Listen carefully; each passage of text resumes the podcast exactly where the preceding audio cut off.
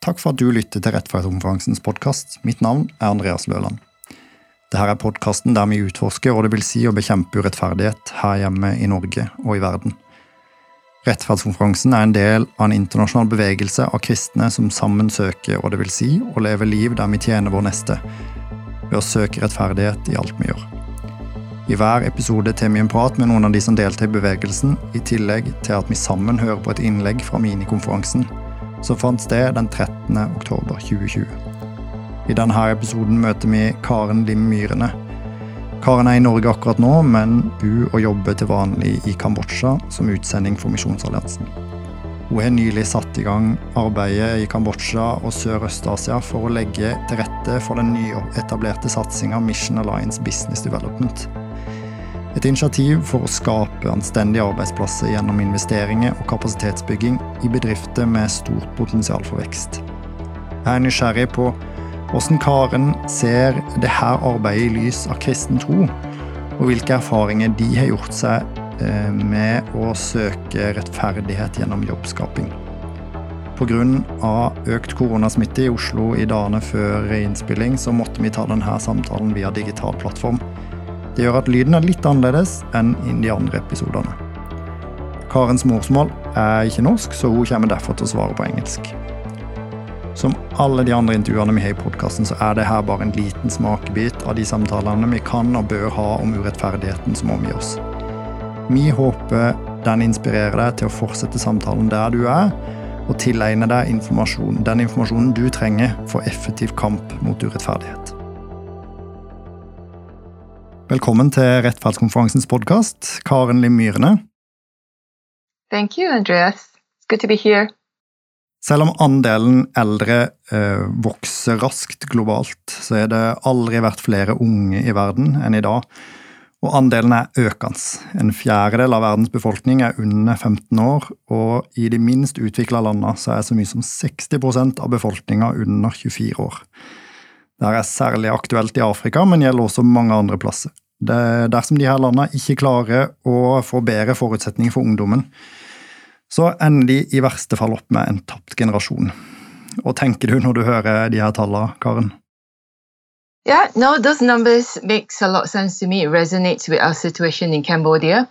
Um, just to put out some statistics, we have 60% of the population or 60 to between 60 and 65 that falls below, below the age of 30.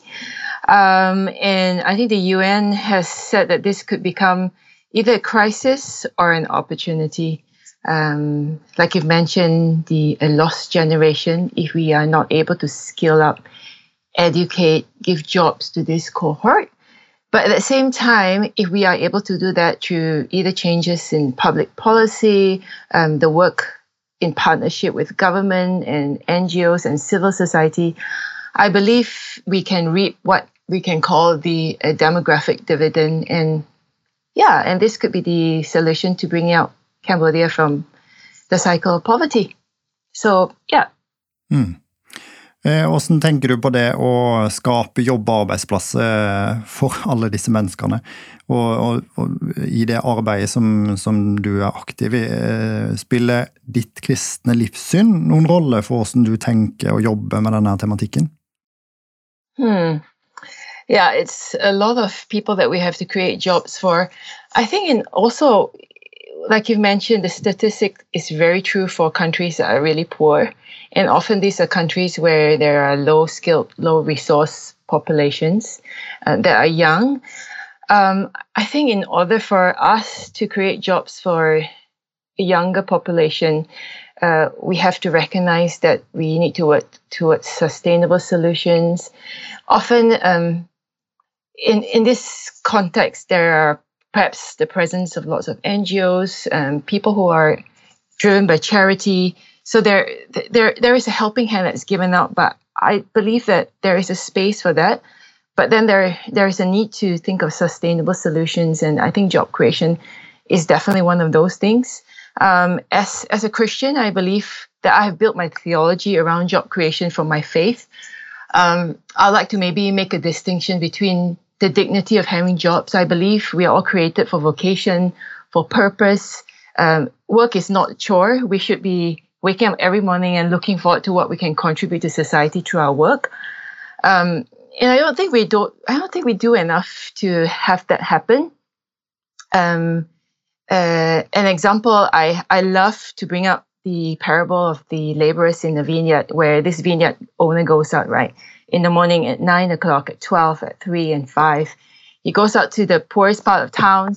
He looks for those who are waiting for a job, perhaps not the nicest part of town, maybe not the best place for a wealthy vineyard owner to be wandering through. But he does, and he gives them jobs, right? Whether it's for three hours, an hour, or five. And then he pays them. And I've often wondered why he didn't just give them money. Like, hey, take take this money, go home, feed your children. Um, no, he he saw the importance of giving them a job. So I think I've really shifted my theology based on that parable.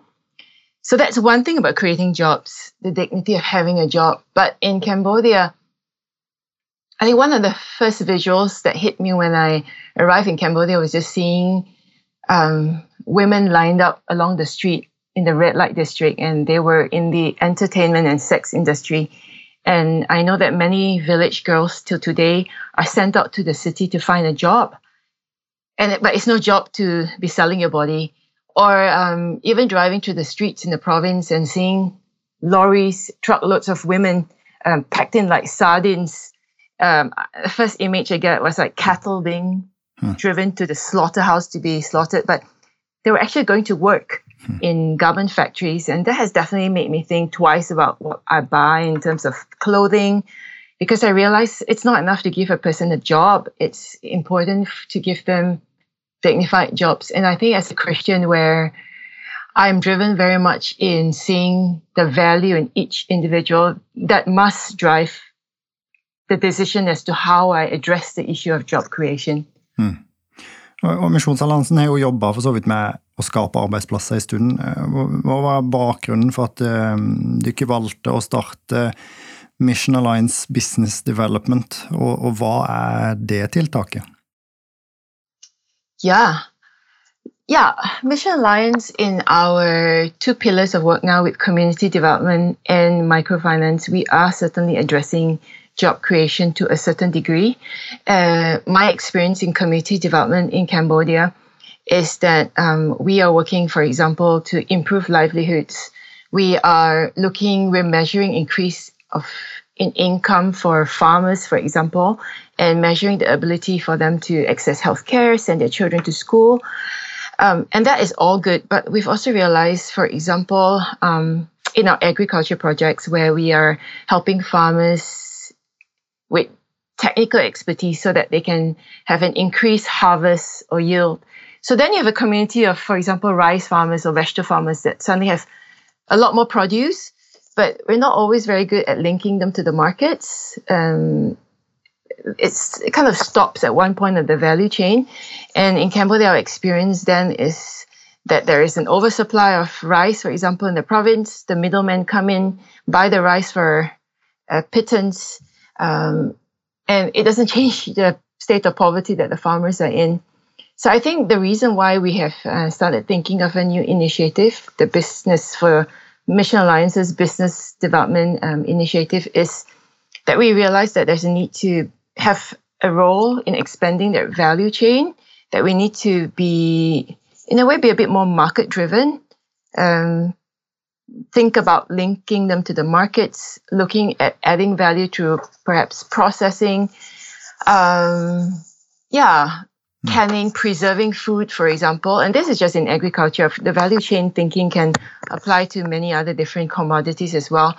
But I think also just realizing that we want to have the community have control over that value chain, that we don't want to just come in and support uh, an entrepreneur that would then create wealth for himself, mm. but we want that wealth to be distributed fairly across the value chain and including to the, the base of pyramid, the, the, the, the communities, the people that we're actually working with. So I think that's really why we've um, started this initiative. We've also realized that not everybody is made to be an entrepreneur. So we want to invest in local entrepreneurs that will then create wealth that will be distributed to their communities and hopefully make them less dependent on outside help from from people like us, we would we can come in with other expertise, right? We would build capacity, training, but um, we want to have locals create wealth for themselves as well. Yeah. Hvilke erfaringer har dere gjort dere så langt, da? Eh, hva er det som virker og ikke virker? Og hvordan tar dere med dere de erfaringene inn i arbeidet videre? Hmm. Yeah, um, our work with uh, business development is still very new. We're still very much in the conceptualizing of our initiative. But I think already one of the biggest lessons we have learned is the fact that an entrepreneur has both financial and non-financial challenges and mission lines.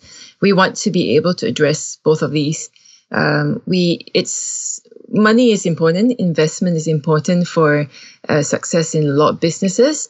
But i think in the context of cambodia more importantly there is a need to support an entrepreneur with um, competency uh, coaching mentoring being close to what they do so um, we have decided to take a co-entrepreneurship approach and also an ecosystem approach where we want to be able to deal with the different elements that we feel is needed by an enterprise. And we also want to take an active role, meaning mission lines. We don't want to just put in money and do our due diligence and leave. We want to be actively involved in the time that we are walking alongside an entrepreneur. Um, so our vision at the end of the day is to support what we call businesses with multiple bottom lines. So profit, a market-driven, profitable business model is important, but we also want um, businesses that has social impact at its forefront. That it is um, job creation, for example, is an important goal for Mission Alliance. Dignified job creation. Um, we also want to be aware of the planetary implications of the businesses that we invest in, where we take care of the environment, we make sustainable choices. So our dream for Mission Alliance really is to bring forth our values in the work that we do here in business development as well. That not only are we investing towards wealth creation, but we are able to promote justice, fight poverty, and, and share our values and faith along the way. So ja. Tusen takk, eh, og takk for eh, det bidraget som eh, Mission Alliance Business Development og ditt team gjør i kampen for urettferdighet. Thank you.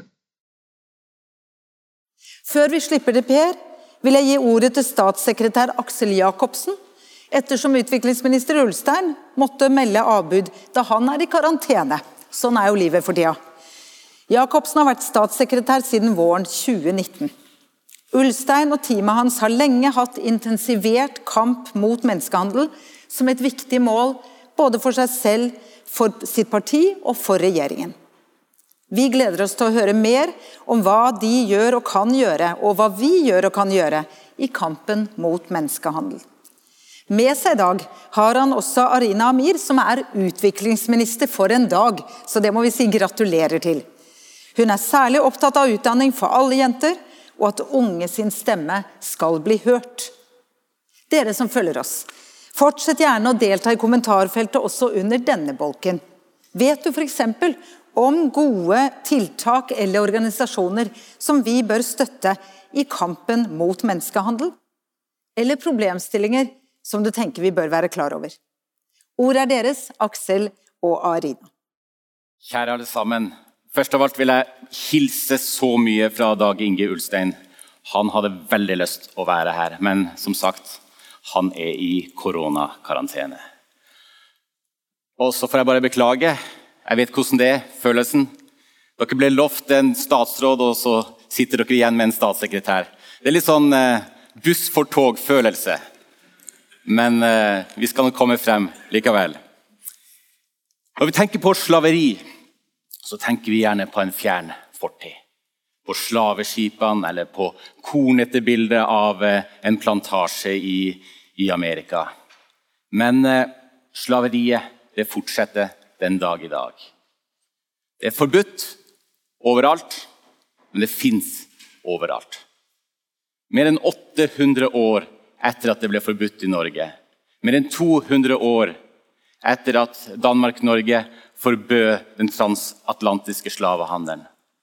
Og mer enn 2000 år etter at Jesus formulerte den gylne regelen.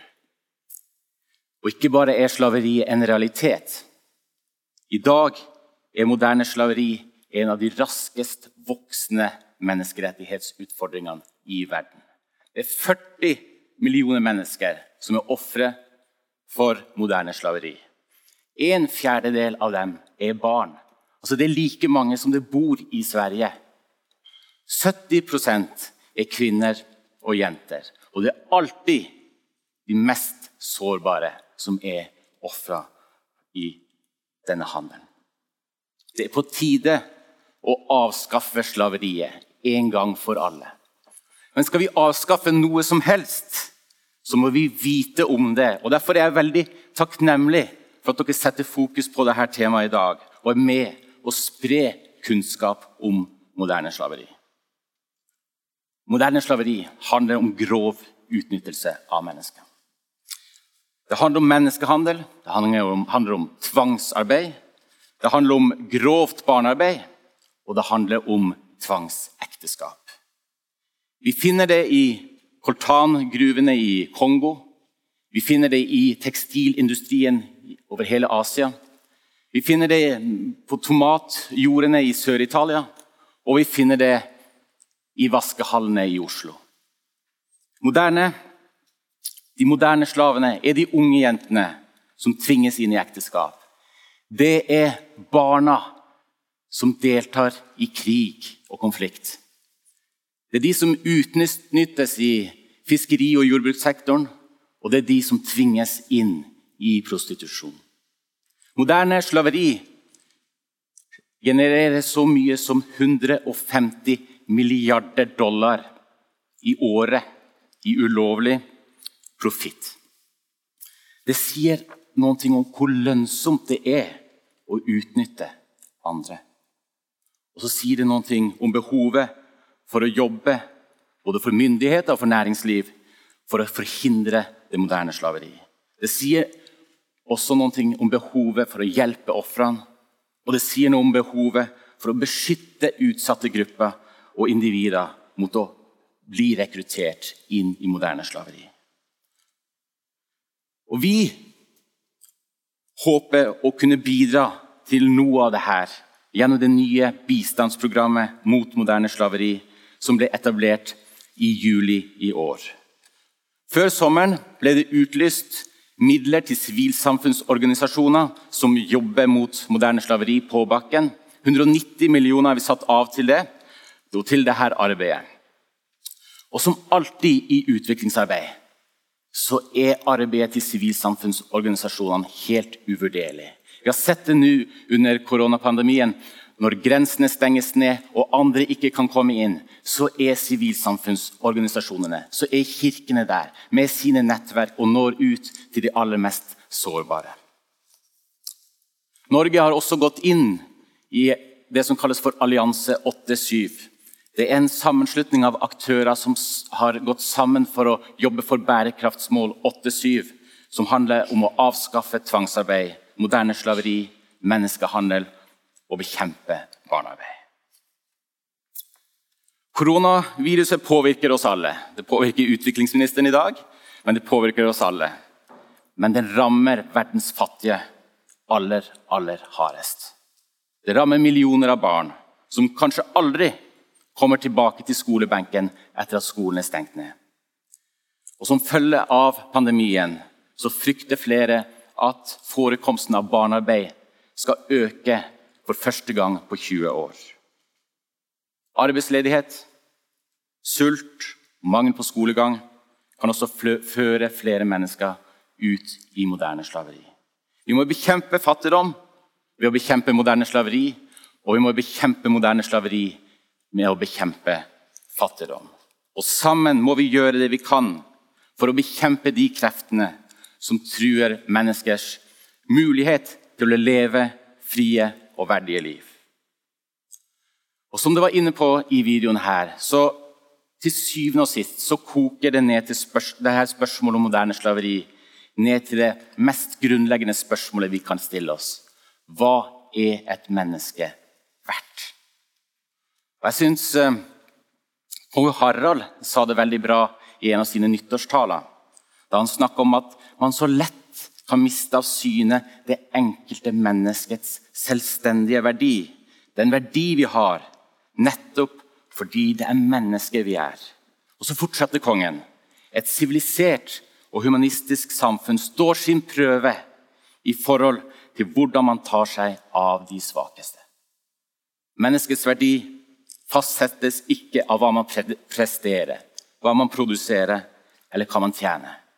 Nei, hvert enkelt menneske har en iboende verdi og er uendelig verdifull. Menneskeverdet er ukrenkelig. Og jeg må si at jeg blir både inspirert og utfordra av det Jesus formidla om menneskets verd. Han som forlot de 99 for å lete etter den ene som sleit. Han som i sin programerklæring snakka om at fanger skal få frihet, om å sette undertrykte fri.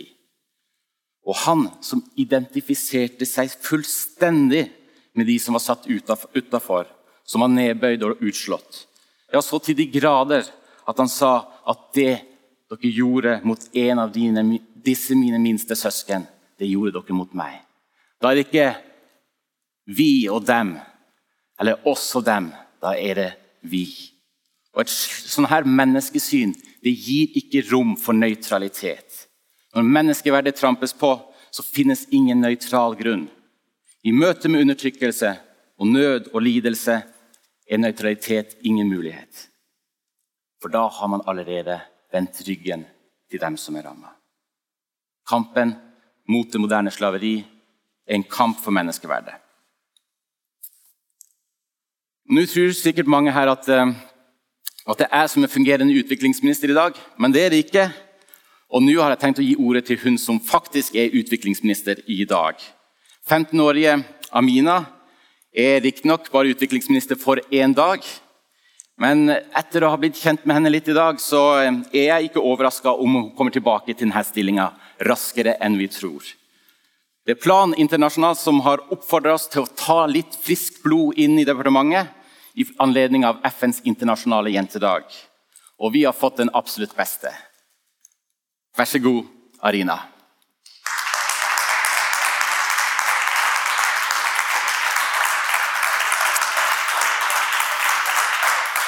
Tusen takk, Aksel, og kjære alle sammen. Koronapandemien har gjort arbeidet med å utrydde fattigdom vanskeligere, men også viktigere. Tydeligere enn noen gang ser vi hvordan alt henger sammen med alt. Hvordan velferd og trygghet her hjemme henger sammen med velferd og trygghet der ute. På samme måte som fattigdom langt borte kan føre til konflikter og flyktningstrømmer som påvirker oss, kan heller ikke helsen vår være trygg, for alle er trygge. Det finnes egentlig ikke noe land som heter langt borte lenger. Vi bekjemper fattigdom i andre land fordi vi opplever det som en plikt, men også fordi at det er i norsk interesse. Også de 17 bærekraftsmålene henger nøye sammen.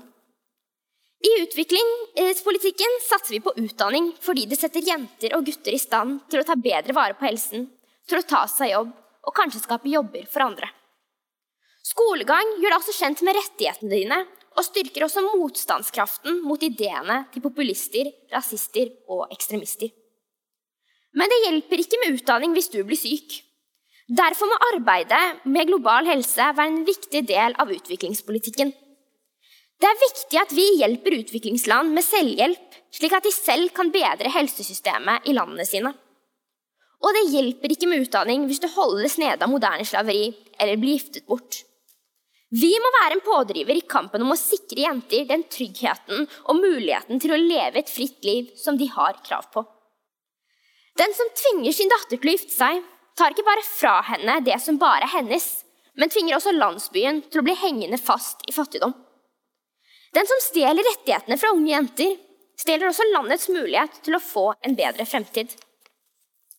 Derfor er jeg glad for at Norge har en egen strategi mot skadelige skikker som barneekteskap, kjønnslemlettelse og preferanse for sønner. Derfor må vi jobbe for at de som ikke har fått gått på skolen pga. koronaen, får undervisning likevel, og at de får komme tilbake på skolebenken når koronapandemien er over. Vi må bli stemmen til de som ikke har en, og vi må sørge for at alle jenter med drømmer og mål får friheten og muligheten til å drømme fremfor å bli satt i en brudekjole. Pandemien kan føre til at hele 13 millioner jenter må stå barnebrud, og dette må vi ikke la skje. Jo mer vi gjør for å hindre dette, desto lettere blir det å bekjempe fattigdom og oppnå alle de andre bærekraftsmålene.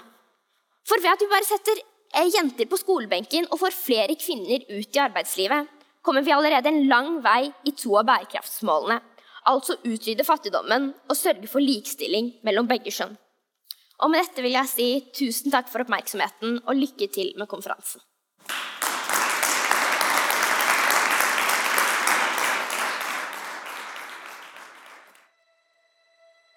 Kampen mot ufrihet bør tynge oss alle, uansett om man er kristen eller ikke.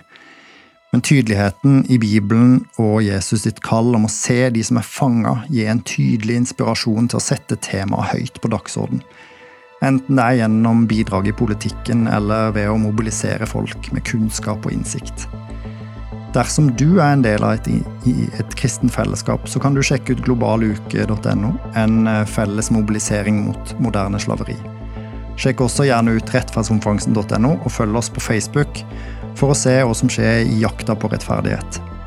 Den 10. november 2020 klokka sju så har vi f.eks. et eget webinar med moderne slaveri og anstendig arbeid som tema. Jeg håper du blir med videre i jakta på hva det vil si å bekjempe urettferdighet her hjemme og ute i verden. I neste episode fortsetter vi fokuset på menneskehandel og moderne slaveri og spør rådgiver i Skaperkraft Katarina Dreyer hvordan moderne slaveri ser ut i dag, og hva vi kan gjøre. Velkommen tilbake da.